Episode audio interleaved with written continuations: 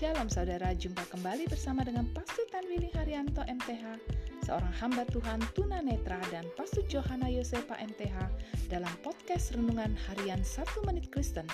Di dalam podcast ini, kami membagikan kebenaran dari Alkitab yang dimulai dari kitab kejadian sampai kitab Wahyu.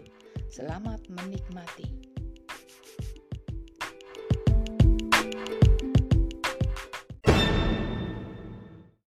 Shalom saudara berharga di mata Tuhan, senang dapat jumpa dengan saudara.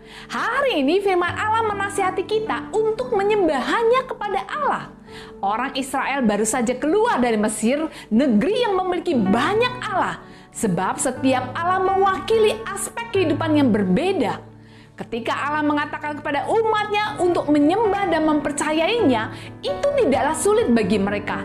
Allah dapat ditambahkan dalam daftar Tetapi ketika dikatakan sembahlah hanya kepada aku, itu sulit untuk diterima oleh mereka. Tetapi mereka harus mengakui bahwa Allah yang telah membawa mereka keluar dari Mesir yang harus disembah saja.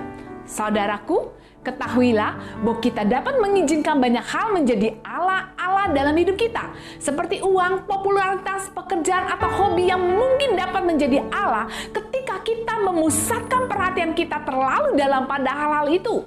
Untuk itu, izinkanlah Allah tetap menjadi tempat utama dan penyembahan dalam kehidupan kita.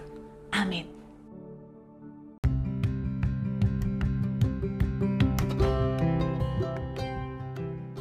Terima kasih saudara telah mengikuti podcast Renungan Harian 1 Menit Kristen.